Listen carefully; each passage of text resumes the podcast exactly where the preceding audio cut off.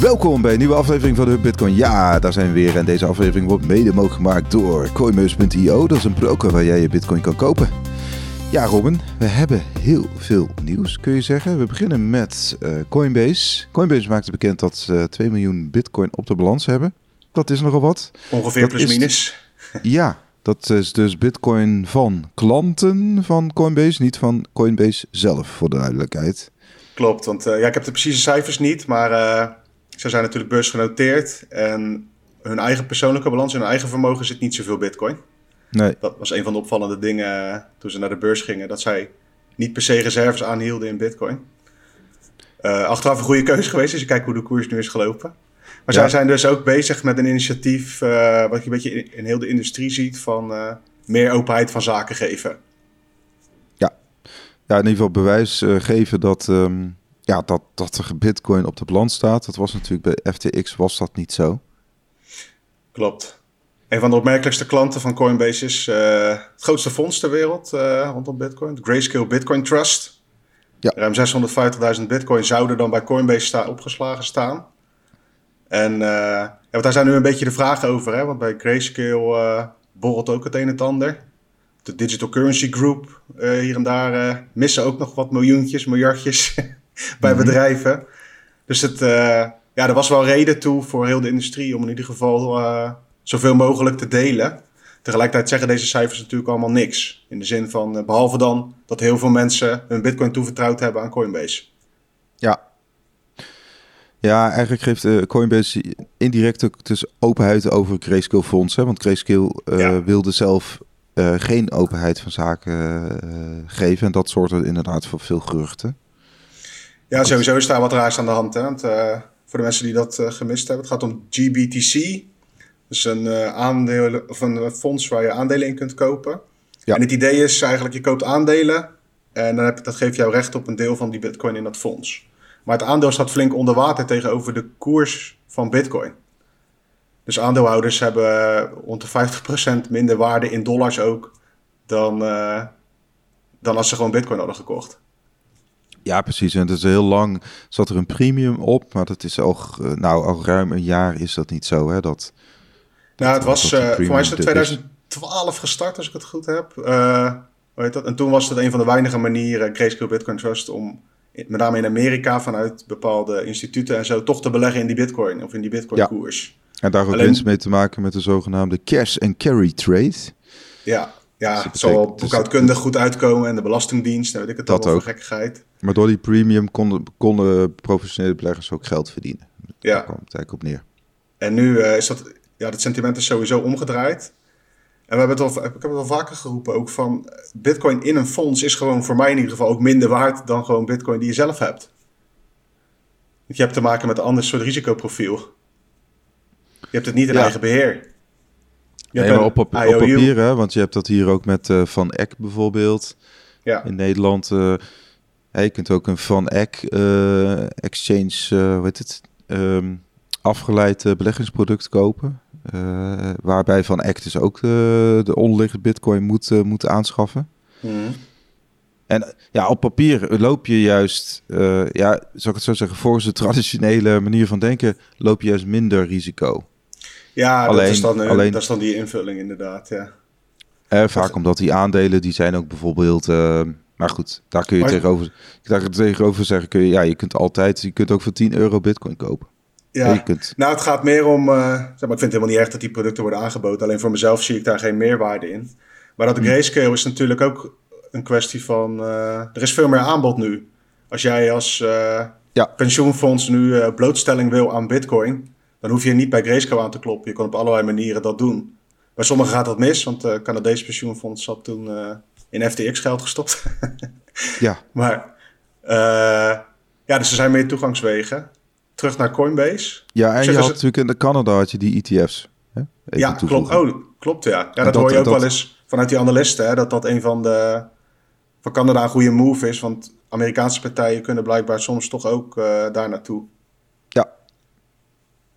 Ja. Dus, eh, maar je wilde nog wat toevoegen over... eh, Ja, meer in de zin van eh, wat je dus ziet is dat die, Coinbase moet sowieso relatief veel openheid van zaken geven, de- omdat ze dus aan de Nasdaq zijn genoteerd. Dat aandeel gaat ook voor gemeten trouwens. En aan de andere kant zie je dus concurrenten als Binance, die ook een poging doen voor meer openheid van zaken te geven. En wat zij dus nu hebben is ook een proof of reserve initiatief. Ja, Binance, ja. Binance, ja.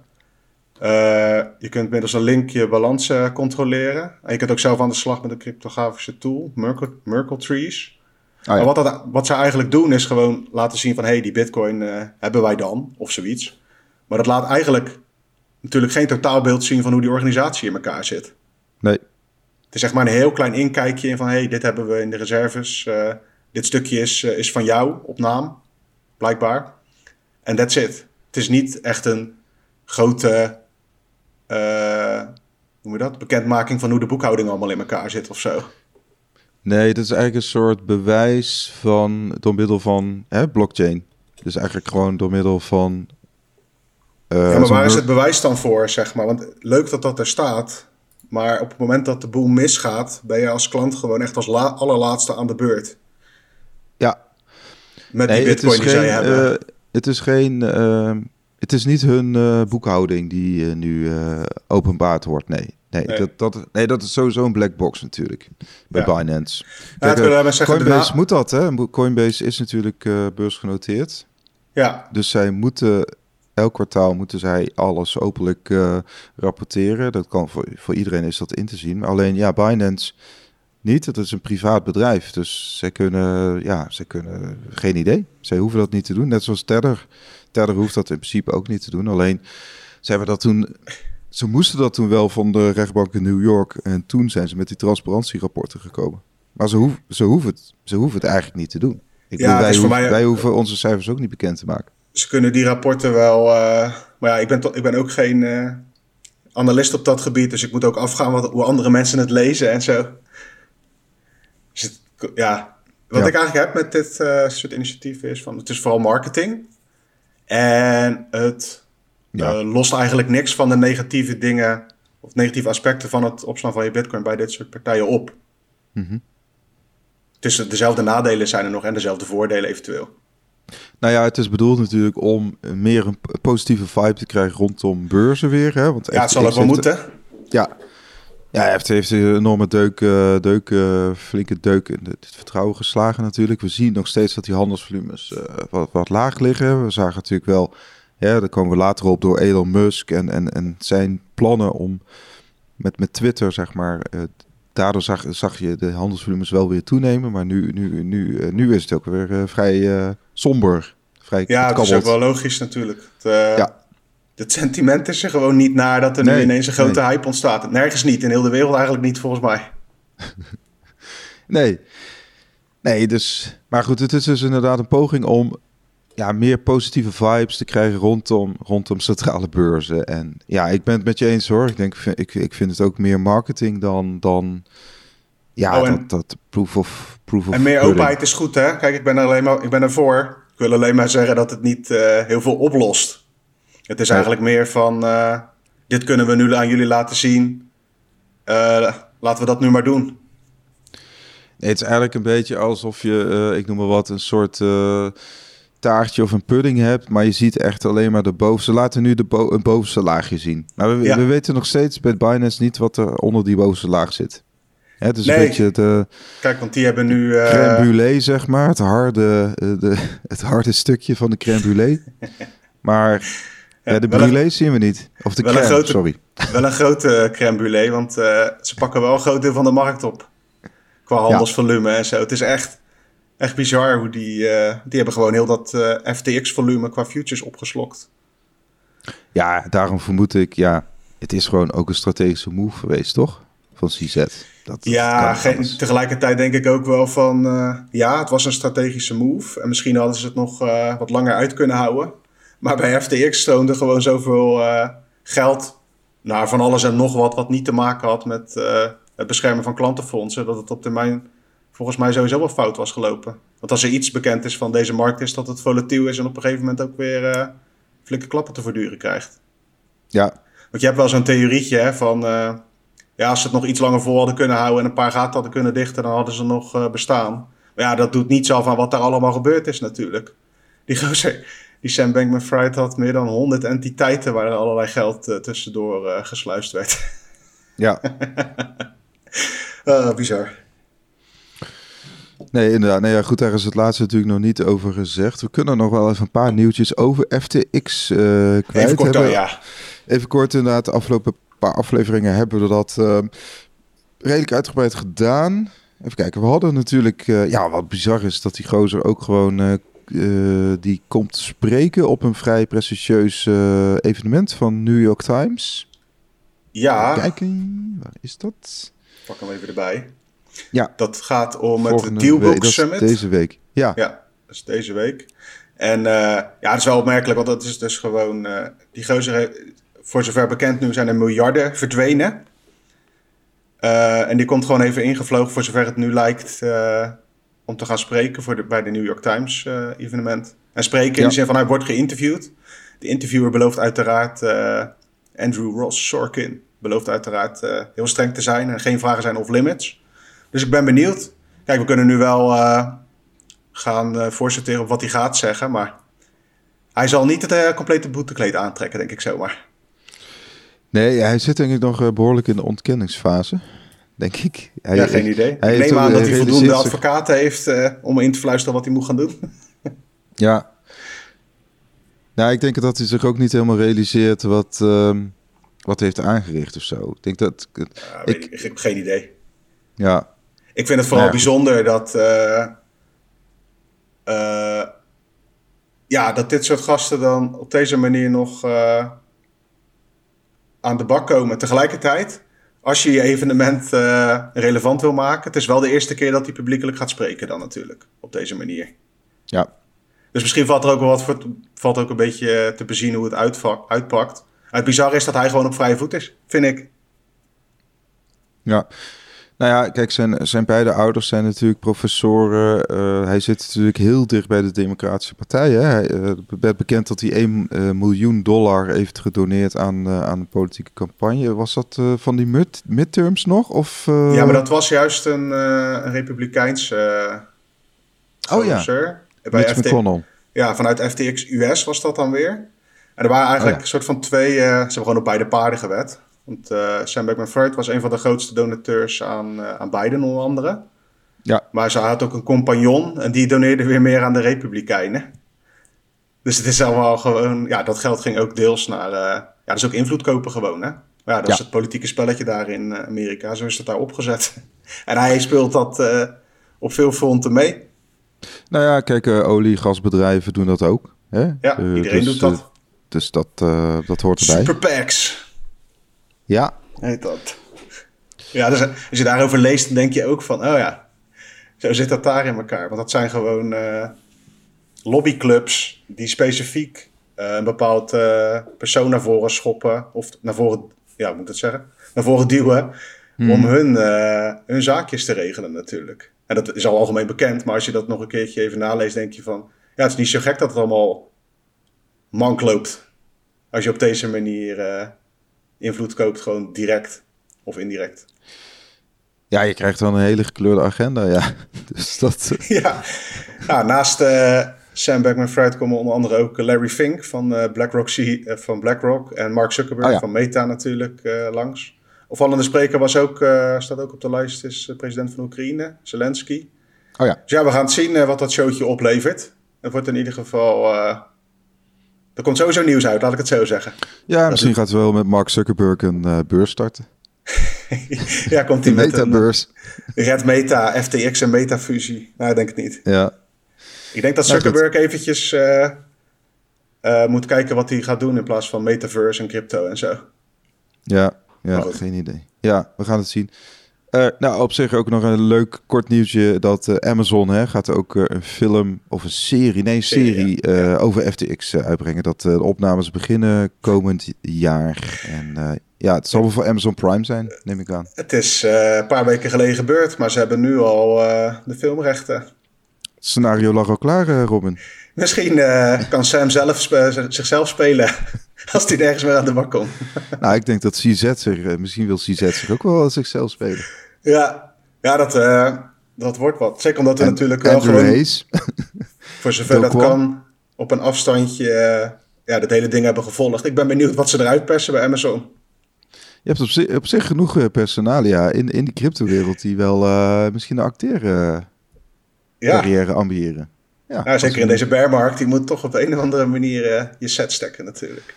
Ja, Nee, we gaan Nou, het zien. gaat Kijk, op zich, het is wel gewoon, dat is wel tekenend natuurlijk. Er zijn eh, miljoenen mensen gedupeerd. Allerlei geld eh, is verdwenen. En ik geloof niet dat Amazon dan ineens een hele scherpe eh, serie gaat maken. Maar goed, we gaan het zien. ja. Anyways, we gaan lekker verder. Waar, waar gaan we eens mee? Ja, Binance heeft dus dat Proof of Reserve systeem. Ja, dat hadden we gehad, inderdaad. We hadden ook nog, eh, dat werd ook wel behoorlijk goed gelezen, hè? die Britse bank die eh cryptobeurzen gaat blokkeren. Ja, het ging deze keer om eh, Starling Bank in Oh ja, Groot-Brittannië. Ja, Starling. Niet Sterling, maar Starling. Ze kregen een sms-bericht. We beschouwen crypto-activiteit als een hoog risico. Ja, lang verhaal kort. Zij hebben dus zoiets van... leuk wat jullie willen met je, met je ponden, maar dat doe je maar ergens anders, niet bij ons. We gaan dat niet meer faciliteren. Het Ja. gaat om een limiet van eh 1000 pond per losse betaling... en 3000 pond voor transacties binnen 30 dagen, dus binnen een maand. Betalingen naar Binance blijven compleet geblokkeerd. Ja, nee, Binance heeft het Oh. wel gedaan, hè? Dat ging trouwens over eh, Santander in eh, Groot-Brittannië. Maar Ah ja. de trend daar is dus eh, blijkbaar dat er een paar banken zijn die denken we moeten dat op de een of andere manier eh, stopzetten. Ja, het is gewoon eigenlijk even tussendoor van dit gebeurt ook nog. Ja, de, maar je kunt, als ik voor 50 pond bitcoin wil kopen via Starling, dat kan dus niet meer, begrijp ik. Ik ga eens kijken. Ja. Nou ja, het is, zo, het is, het is gewoon een van de tools hè, om gewoon de, de on-ramps naar, eh, naar eh, bitcoin en crypto, eh, om, dat, om dat inderdaad te, te Ja, als, frustreren. je, als je als industrie van ba- commerciële banken het plan hebt om toch nog iets aan die, met die bitcoinhandel of hoe dan ook te gaan doen. Ja, dan is een van de manieren om jezelf wat tijd te kopen dit natuurlijk. Ja, dat ook. Maar ze verdienen er wa- waarschijnlijk ook niet zo heel veel aan. Ja, het, gewoon de, het zijn de Nee, ja, dat is- algemeen bekend ondertussen. Dat eh, de meeste commerciële banken zitten niet meer echt te wachten op kleine particulieren. Dat kost eigenlijk alleen Nee. maar geld. Nee, precies. En daar is dit een gevolg van. Want als Ja. jij niet meer eh, je particuliere kleine klanten hoeft te pleasen, om wat voor reden dan ook. Ja, dan ga je dit soort rare maatregelen nemen vanuit jezelf. Want het is niet vanuit de overheid volgens mij. Al zit er wel altijd een dingetje in van... eh, die banken hebben natuurlijk meldingsplicht en die moeten allerlei dingen in de gaten houden enzovoorts. En door dit dicht te, te timmeren, hebben ze dat, hoeven ze dat gedeelte niet te verantwoorden misschien, zeg maar soms. Snap je wat ik bedoel? Ja. Ja. Het, kan, het kan ook eh, minder Oh, werk opleveren ja. voor ze. Nee, eens. Nou ja, kijk, omdat het, het, het is inderdaad... De, eh, het verzorgen van betalingen is dus dan een soort eh, basistaak. Je kunt bijna zeggen, hé, hey, dat is een zorgtaak. Hè, want dat moeten Ja. ze doen. Als ik, hè, als ik iets wil versturen naar, ik noem maar wat... Dan, dan moet dat kunnen. Dat zou je denken, hè? maar zo werkt het dus niet. Het is een, je hebt een lijst van dingen die je mag en that's it. Ja, maar het is natuurlijk veel interessanter, Robin, dat als jij gewoon een lekkere hypotheek gaat afsluiten bij ze en dat je ook gewoon een tiental verzekeringen bij ze afsluit en ook nog beleggingsadvies bij ze gaat pakken, En sparen En en laten, je geld laten sparen. beleggen. lenen. Kun, hè, Lenen. je kunt ook nog Ja. lenen als je wil. Ja. Dus ja, we weten wat er van komt, van lenen. Ja, koop je meer bitcoin mee, toch? Ja, ja, ja. nee, maar Ja, het is... Ik wees even naar FTX. Ja, maar- ik. Nee, inderdaad. Nou ja, goed. eh, in Nederland hadden we natuurlijk ook wel. We hebben zelf ervaren als start-up dat eh, het openen van een bankrekening eh, als Bitcoin-bedrijfje echt wel heel lastig is. Uiteindelijk Klopt, zijn wij bij, bij, bij Bunk terechtgekomen. Ja, maar die heel hebben ons tot nu andere- toe goed geholpen.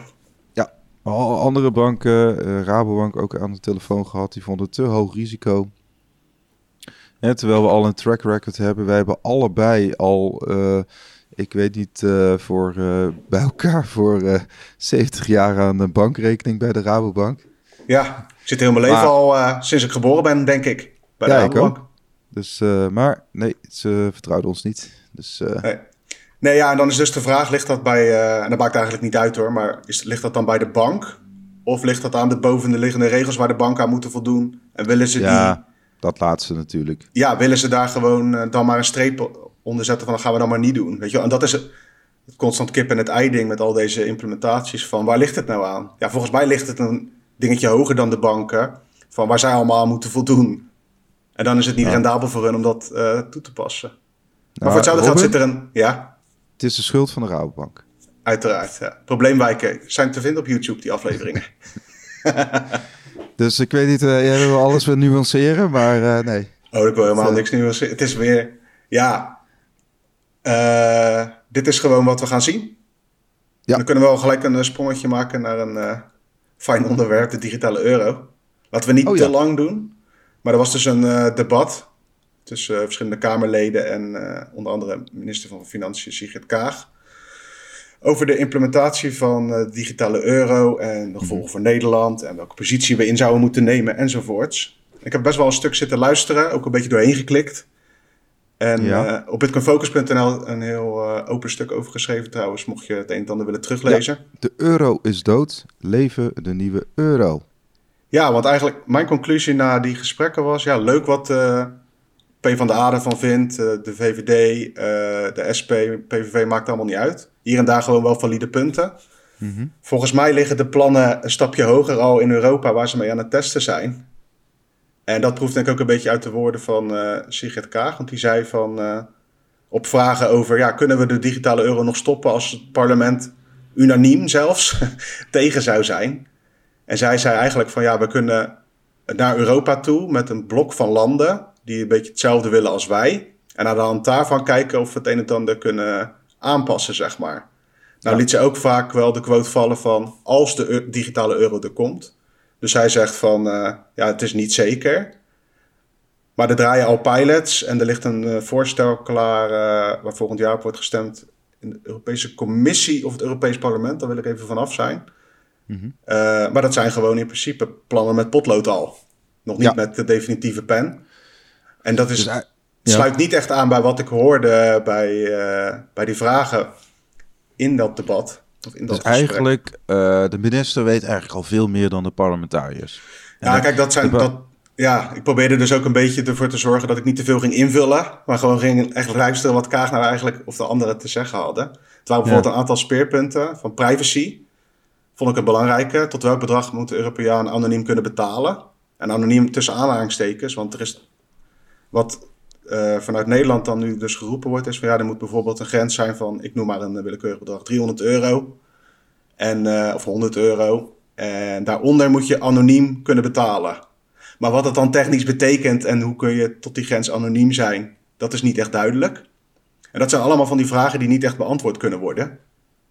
Ook omdat het op een veel hoger level wordt eh, ontworpen allemaal. Het is niet dat Ja. Kaag met pen en papier zit of haar team, whatever, eh, met pen en papier zit dit helemaal uit te denken. Dit, is, dit komt van een andere plek vandaan. Ja. Nou, interessant in dit geval was ook de, de Twitter-storm van eh, eh, Thomas Bolle, hè, journalist van Follow the Money. Ja. Hè, ook gespecialiseerd in het geldstelsel in Nederland, Europa, et cetera. Hij zegt ook, even heel kort, uitleg van het ministerie is best aardig, maar als leek begrijp je nog steeds niet waarom een vorm van publiek digitaal geld zo belangrijk is. En eigenlijk zegt hij ook van hè, dat we een vorm van digitaal contant geld nodig hebben. eh, wordt al jaren uitgedragen door hervormers zoals eh, Hervorm ons geld. En ook bijvoorbeeld de, eh, de, eh, de denktank van ehm, wetenschappelijk, wetenschappelijke raad voor, ehm, voor eh God, regeringsbeleid, de WRR. Mhm. Alleen, eh, de overheid, eh, de regering en de DNB hebben de afgelopen jaren echter stelselmatig alle initiatieven om een depositobank op te richten tegengehouden. Het is eigenlijk een publieke bank zonder commerciële eh, belangen. En hij zegt eigenlijk, nou de C- CBDC, die blijft eigenlijk als enige optie over. Ja, En, dat en dat is de weg die ze nu inslaan. klopt. En het lijkt wel alsof niemand beseft dat dit gewoon niet in de handen van Nederland ligt. Mhm. Leuk wat wij willen, of welke eh, depositobank landelijk en weet ik wat allemaal, maar dat is niet het plan, zeg maar. Al- Ja. Als of Ja. die digitale. Ja, euro gaat er komen. Alleen de vraag is welke implementatie, tenminste dat is mijn conclusie, welke implementatie gaat het worden? En op zich is dat wel interessant, want de concurrentiepositie was dus inderdaad ook een, uh, wat veel voorkwam in dat debat. En dan gaat er met mhm. name over, uh, ja, in deze regio is dat aan het doen en Zweden doet het zo en in Amerika en in Azië zijn ze ermee bezig. Uh, en de vraag is dan, maar doen we het dan omdat anderen het ook doen of omdat het goed is voor Nederland? Alleen die vraag is, is het goed voor Nederland? Dat maakt eigenlijk niet meer uit voor het hele proces. Ja. Er zitten allerlei haken en ogen aan. Uh, ze hadden het ook over een implementatiefase van uh, eind 2023 al.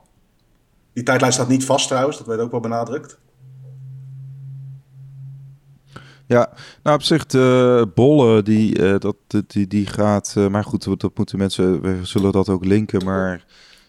Uh, het is wel interessant, want hij gaat eigenlijk ook e-, enig, online in discussie met Arno Wellens. Hè? Want Arno Wellens zegt in het, zegt in het Twitterbericht van... Hey, um, CBDC is de vervanger van contantgeld. Want er kan er namelijk negatieve rente worden gegeven uit hoofden van monetair beleid. Zonder dat mensen kunnen vluchten naar PIN. En dat staat letterlijk op de website van de ECB. Uh, Thomas Bolle reageert daar weer op van... hey, je ziet dit angstnarratief. Dus hij verwijst hè, naar de tweet van uh, Arno Wellens. Hij vindt dat een angstnarratief de overhand krijgen. Uh, zeker na de coronapas is dat voorkomen begrijpelijk... maar het is een ongenuanceerde en selectieve weergave wat hier allemaal speelt. Eén scenario uit een rapport betekent niet dat dit het enige scenario is. Interessante discussie. Hè? Dus, ja, we kunnen wel een brugje maken naar het belangrijkste onderwerp... wat ik vond, is het programmeerbaarheid, noemen ze dat dan. Ja. Van Oh, als je, met Bitcoin kun je het een en ander doen. Hè? Je kunt een uh, Lightning kanaal uh, openen, je kunt uh, transacties doen, je kunt er berichten bij sturen als je een transactie stuurt, die dan in de database blijven staan enzovoorts. Je kunt programmeren, programmeerbaar geld. Maar dat is allemaal mhm. vanuit de gebruiker zelf. Jij hebt Bitcoin, jij kunt het programmeren met de tools die er zijn, hoe jij het wil. Uh, Een digitale euro uitgegeven door de ECB moet ook het een en ander uh, aan programmeerbaarheid hebben. Ja. En in dat debat ging het er dus over van waar ligt die grens en hoe bewaak je die grens? Bijvoorbeeld, uh, K gaf als voorbeeld van ja, uh, als je je huur automatisch af wil laten rekenen, dan moet dat gewoon kunnen met de digitale euro. Nou, ja. klinkt logisch. Maar als dat, is, als dat optie is ingebouwd dat, dat, dat bepaalde dingen automatisch betaald kunnen worden, wie heeft dan die sleutel om, te, om dat te veranderen enzovoorts? Nou, dat soort vragen worden niet beantwoord. Want dat is in de, de grootste nachtmerrie is dus dat je dus uh, uh, dat scenario wat Arno Wellens schetst, dat dat op termijn gebeurt. Dat, er met, dat je met je digitale euro allerlei dingetjes met een druk op de knop beslist kunnen worden. Die dan automatisch direct effect hebben op jouw, uh, jouw token, of hoe je het ook wil noemen, je digitale euro. Ja, dus dat en, eigenlijk. Hè, um om een, om een voorbeeld te, geven, ik ken om, om, in mijn omgeving ook mensen die bijvoorbeeld zelf niet meer, um, eigenlijk niet meer capabel genoeg zijn om een bankrekening te managen. Dus die hebben dan eigenlijk iemand nodig hè, die voor hun hun bankrekening managt. Ja, dat kan bijvoorbeeld door dementie komen. Ja. Uh, en, en, maar eigenlijk, eigenlijk kun je bijna zeggen van je krijgt er echt een soort bewindvoerder bij als burger. En namelijk die bewindvoerder is uh, ja, is gewoon je overheid. En dan moet je er maar even van uitgaan dat. Uh, maar goed, dat is een beetje het doemscenario. Klopt. En daarna blijf ook even weg van de precieze implementaties. Want je hebt natuurlijk ook allerlei verschillende soorten. Je kan het compleet bij de ECB leggen. Je kunt nog een rol verzinnen voor commerciële banken en alles daartussenin en zo. Maar het gaat meer om de uiteindelijke uitwerking. Te ja, en ook, alle wie zet de vinkjes aan of uit? Ja, nou, waar komt, precies, waar, komt die, waar komen die sleutels te liggen als het ware? Wie bepaalt dat? En ja, ik zat dus een beetje te luisteren. Dan heb je ook uh, Ilko Heijnen, volgens mij was die van de VVD. Die zit op dat dossier. En die zegt dan bijvoorbeeld dat niemand zich druk maakt over de anonimiteit van de huidige pinpassen. Dus dat we ook ons niet druk hoeven te maken over een, uh, de anonimiteit met een digitale euro. Maar dat slaat natuurlijk nergens op. Nee. Nee, dat is ook een beetje drogreden, toch? Ja, en de leukste eigenlijk van heel dat ding vond ik heel de tijd... Uh, de neutraliteit van het geld in de wet verankeren, werd er dan gezegd. En dan uh, mm van ja, maar hoe moeten we dat dan doen? En dan is het antwoord: ik overzie niet in welke wet of regelgeving dit dan verankerd moet worden. nee. Dus zij wil zeg maar zorgen dat dit en dit niet kan. Maar hoe dat dan precies moet, geen idee. Voor mij is de enige oplossing is dat je het technisch niet mogelijk maakt als je bepaalde dingen niet wil. Maar daar wordt het natuurlijk lastig. Wat, wat vond je een beetje van het kennisniveau en de kwaliteit van de parlementariërs? Nou, ik vond op zich best wel veel uh, valide punten. Uh, In de zin van, gewoon de vragen zijn altijd wel goed. Alleen mij begrijpt het gewoon het hele gevoel dat het niet zoveel uitmaakt. Wat we hier ook roepen, dat die bal al eens gaan rollen. Je kunt ja. hooguit nog een paar, een paar zetjes misschien een bepaalde kant op geven. En dat is eigenlijk de conclusie. Nou ja, dat is ook de conclusie. Dus ook onder andere, hè, ik noem hem toch nog maar een keertje, uh, van Thomas Bolle. Mm. Uh, die eigenlijk ook wel uh, concludeert dat de digitale euro wordt niet goed begrepen. En het debat erover vindt vooral plaats in achterkamertjes. En dat is in zijn ogen een gevaar voor onze democratie. Ja, want hoe ons geldstelsel functioneert bepaalt in grote mate hoe de economie eruit ziet. Dat is dus een politieke zaak. Nou goed. En dat, dat, in ieder geval het gevoel heb ik ook heel erg. Dat, hè, dat uh, Kaag, uh, in dit geval onze minister van Financiën, die weet natuurlijk al veel meer dan de Tweede Kamer. Hè? En, ja, dat, en, dat zou goed kunnen. We hebben het ja, ook, kijk, zij kan ook nog niet alles vertellen, heb ik het idee. Dus nee, zij... precies. We hebben het op de redactiechat natuurlijk ook over gehad. Van Kaag is ook gewoon een diplomaat. Die is daar niet neergezet als financieel st strateeg. Dat is iemand die ja, dat is een diplomaat die gaat onderhandelen. En die gaat, daar ga je dan even vanuit met uh, de tas die Nederland met haar meegeeft. Gaat ze proberen daar het een en ander uh, van te regelen in Europa. Maar ja. dat is het. Ja.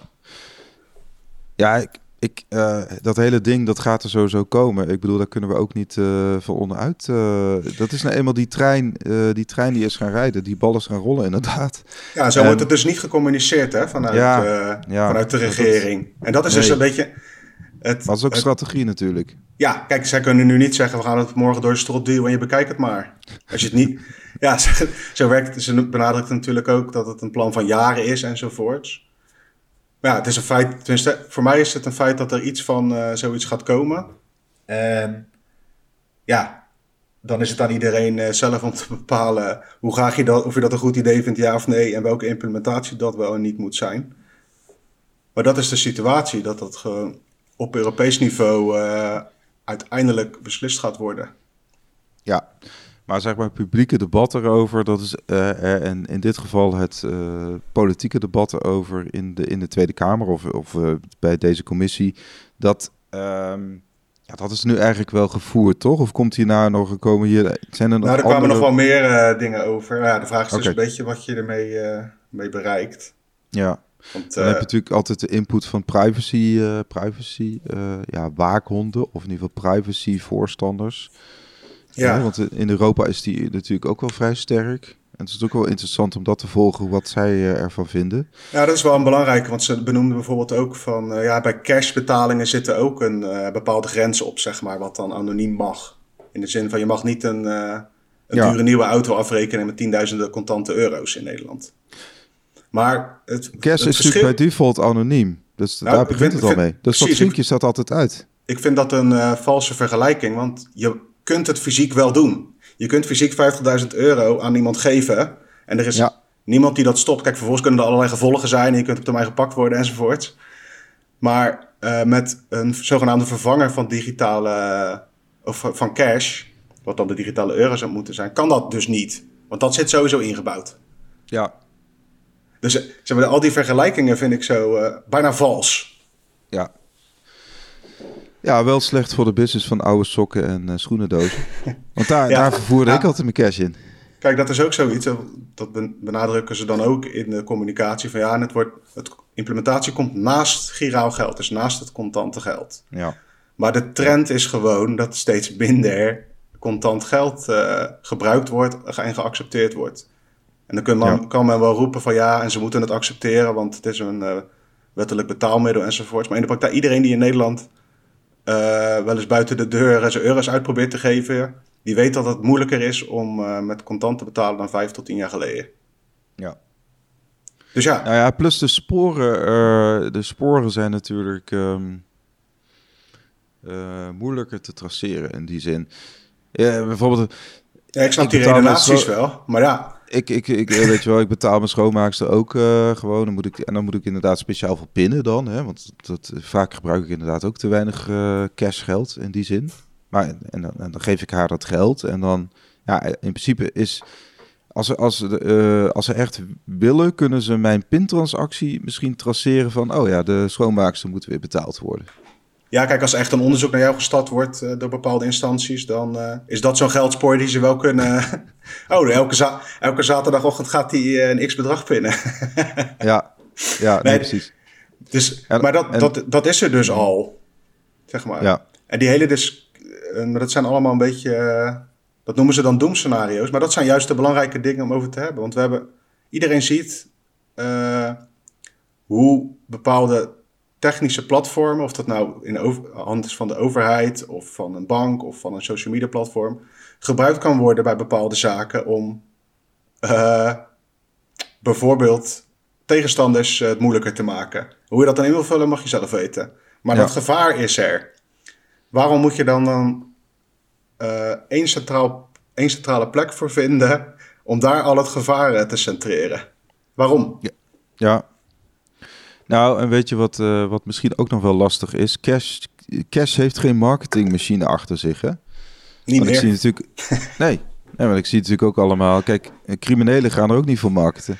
Nee, maar ik zie me allemaal gelikte filmpjes natuurlijk vanuit de overheid. Maar die, die gaan nu natuurlijk hun eigen digitale euro marketen. Maar er is, we hebben al een alternatief, namelijk dat, dat cash geld. Nou, bitcoin, wat denk je daarvan? Ja. ja dus als je het hebt over uh, regels en neutraliteit in de wet verankeren... Nou, misschien moet je dan eens kijken naar het uh, Bitcoin-protocol. ja. ja. dat is. Ja, kijk, wat voor hetzelfde geld uh, komt er een. Uh, voor hetzelfde geld. Het zou mooi zijn als er een fantastisch plan komt. waarin blijkt dat het inderdaad beter werkt voor iedereen. en dat de privacy gewaarborgd is enzovoort. Maar dat is niet wat je kunt verwachten van zo'n implementatie. van een digitale euro. Nou ja, het, uh, dat gaat door. Kijk, we weten dat de raderen van, uh, van Europa heel traag gaan. Want uh, we wachten ook op de MICA, dat is 2024. Nou, dit, dit, dit, dit is, zit nu ook een beetje nog in de pilotfase, toch? Ja, en... kijk, voor hetzelfde geld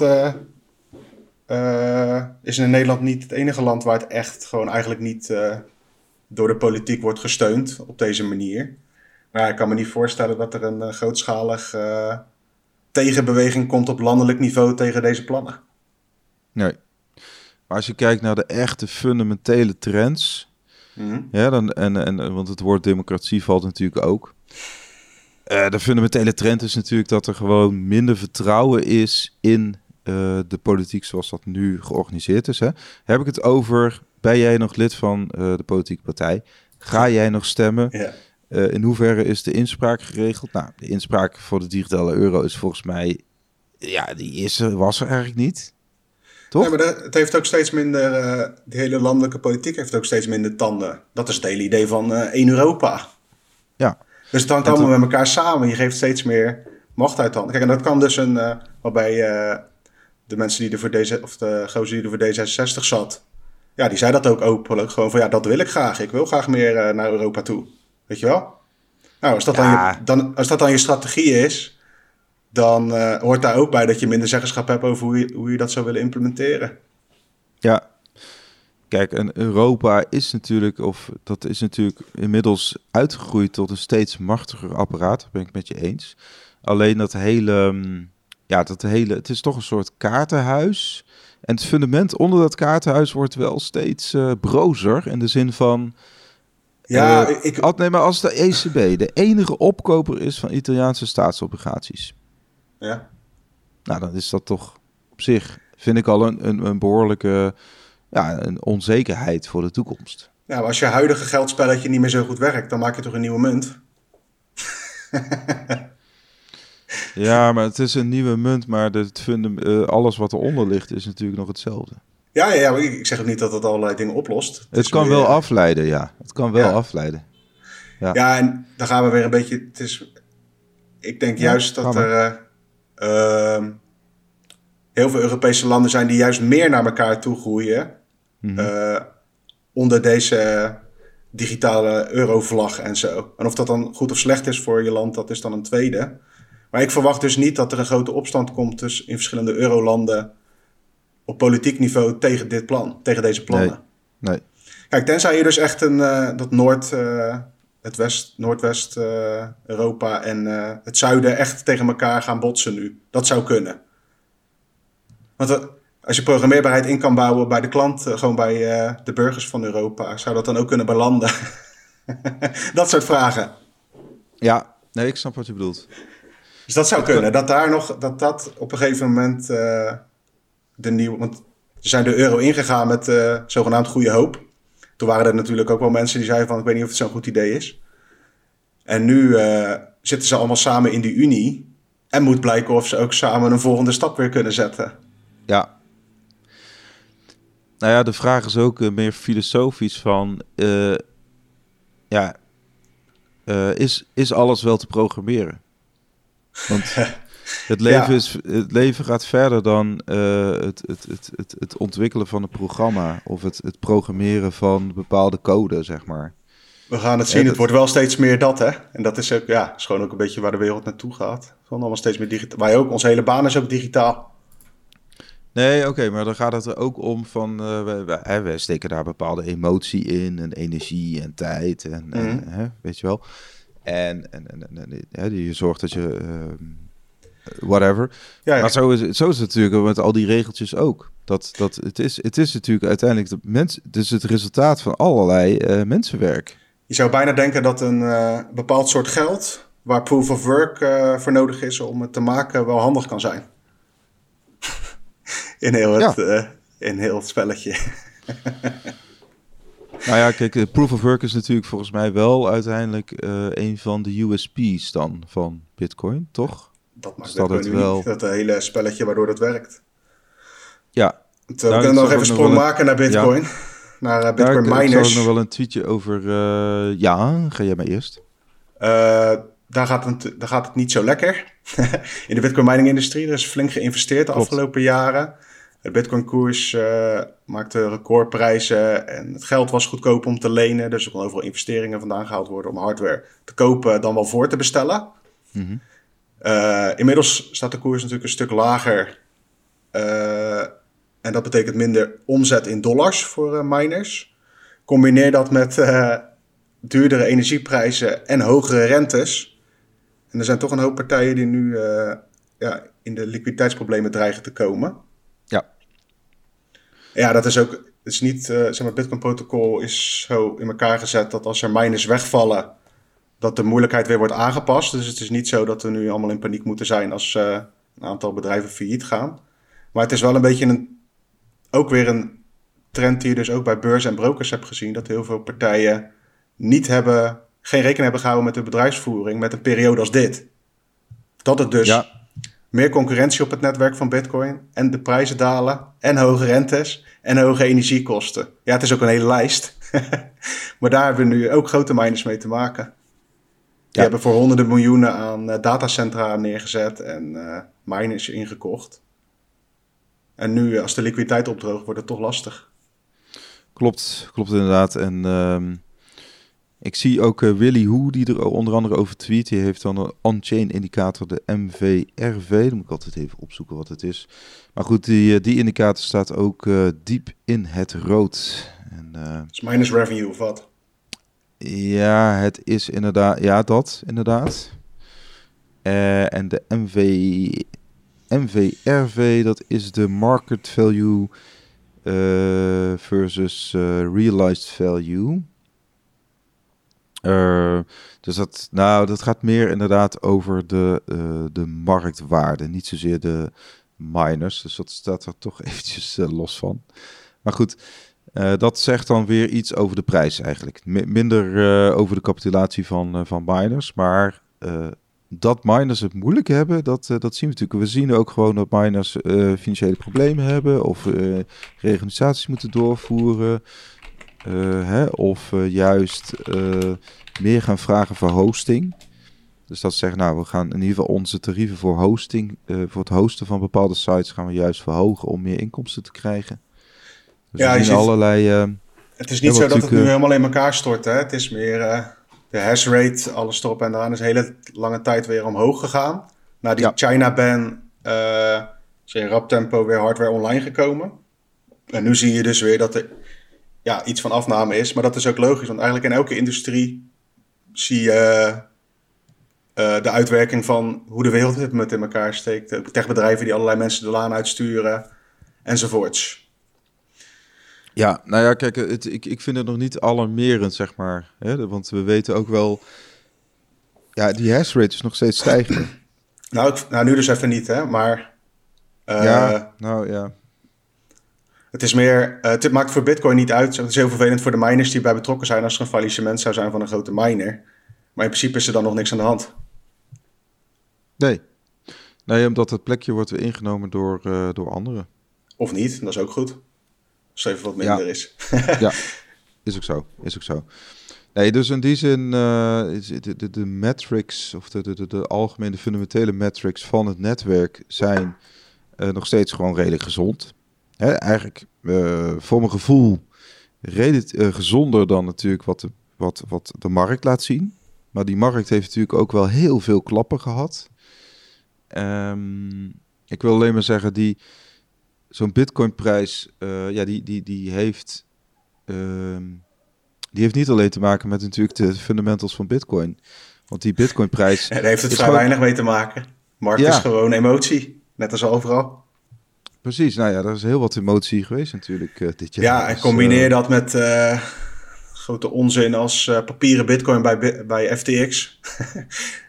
er was daar geen ja. Bitcoin op, die eh, stond geen Bitcoin klaar op de balans, maar mensen handelden er wel in. Sentiment uh, gewoon in de markt in het algemeen wereldwijd niet goed. Uh, nee. Mensen hebben gewoon andere dingen aan hun kop. En uh, ja, dit is waar we staan. Ja. Nou ja, is wat het is. het is wat het is. Volgens mij hebben we wel weer de nodige nieuwtjes besproken. Of had jij nog... Oh ja, El Salvador die opent een nieuwe instantie speciaal gericht op Bitcoin. Dat was... Ja, even een klein nieuwtje om af te sluiten. ja. Overheidsinstantie, de naam National Bitcoin Office. Ja, het is gewoon een uh, nieuw blik aan uh, ambtenaren die uh, eigenlijk de taak krijgen om alles wat met Bitcoin te maken heeft in het land een beetje aan te sturen. Controleren ja. enzovoorts, analyseren. Zo wordt het dan beloofd in ieder geval. Het hoofd wordt aangesteld door president Bukele zelf, uiteraard. en diegene die daar wordt aangesteld is dan verantwoordelijk om de rest van de posities in te vullen. Ja. En eigenlijk is dit een beetje een, ja, een ministerie van Bitcoin, om het maar even zo te noemen. Mm -hmm. En ja, zo moet je het ook zien. Die gaan zich dan bemoeien met wat er allemaal in het land gebeurt op dat gebied. In combinatie met ook uh, contact met uh, andere ministeries. Dus stel dat bijvoorbeeld uh, die van Buitenlandse Zaken of het Financieel Ministerie over Bitcoin wil praten met een land, om maar wat te noemen. Ja. Dan kunnen ze bij deze National Bitcoin Office aankloppen om, daar, om dat op gang te brengen en zo. Cool, dus het is eigenlijk een lobbyclubje van ambtenarij. ik kan me voorstellen dat ze daar ook wel uh, wat marketingbudgetten uh, in gaan stoppen en zo. Dus dat je weer wat meer uh, influencers krijgt. Je hebt natuurlijk, hoe heet die? Max Keizer en Stacy, ja. die daar grote, amb grote ambassadeurs van El Salvador zijn. Ik heb geen idee hoor of ze daar een vergoeding voor krijgen. Maar dat soort budgetten zullen er misschien ook wel zijn. Dus eigenlijk is het van alle Bitcoin-projecten van het land die die vallen onder dat National Bitcoin Office. Ja, zo, wordt het gebracht. Kijk, uh, ja. dat betekent dus niet, denk ik, dat, dat betekent niet dat uh, als jij daar zelf wat opzet, dat je dan via dat bureau moet, volgens mij. Het is meer nee, al die overheidsinitiatieven. Ja. op zich is het wel logisch, hè? Ik, ik, wil, ik snap ook niet waarom Nederland nog steeds geen ministerie van internet, of hoe je het ook wil noemen, hebt. Maar ja. of hebben ze dat tegenwoordig wel? Nee, niet wat ik weet. Minister van Digitale Zaken. Ik heb ooit uh, opstelten gehoord in een debat over uh, internet en andere websites. dat, ik, dat ik dacht, volgens mij is daar een, uh, een apart ministerie voor nodig. Maar ja. goed. Mooie afsluiting. Ja. Op okay. internet en andere websites uh, kun je onder andere bitcoinmagazine.nl vinden. Daar vind je het laatste Bitcoin ja. nieuws. Ja, Bitcoin, Bitcoin, is dan het internet, hè? Bitcoin ja. is het internet en die andere websites, ja, dat, dat zijn de shitcoins. Precies. Bitcoinfocus.nl vind je de nieuwsbrief uh, over Bitcoin. Elke ja. vrijdag uh, gratis in je mail. En mocht je ons verder willen steunen, dan kun, je op dinsdag en donderdag ook nog het een en ander ontvangen met een abonnement. En last but not least, uh, vergeet de, de podcast niet te volgen, te liken en eventueel te reviewen op het platform waar je luistert. Inderdaad, en, dan, eh, we hebben nog steeds, dat eh, vergeten we misschien, maar we hebben nog steeds een korting van Oh. 21% op die abonnementen van eh, bitcoinfocus.nl. Eh, via de code BTC22, die kun je gewoon invullen tijdens het afrekenen, krijg je 21% korting. Dus dan betaal je ongeveer 11,80 euro per maand. dat klinkt goed. Dus dat, ja. Oké, nou we hebben de 50 minuten rondgeluld. Dus eh We zijn er weer. Tot volgende week. week en eh, tot later. Later. Hoi hoi.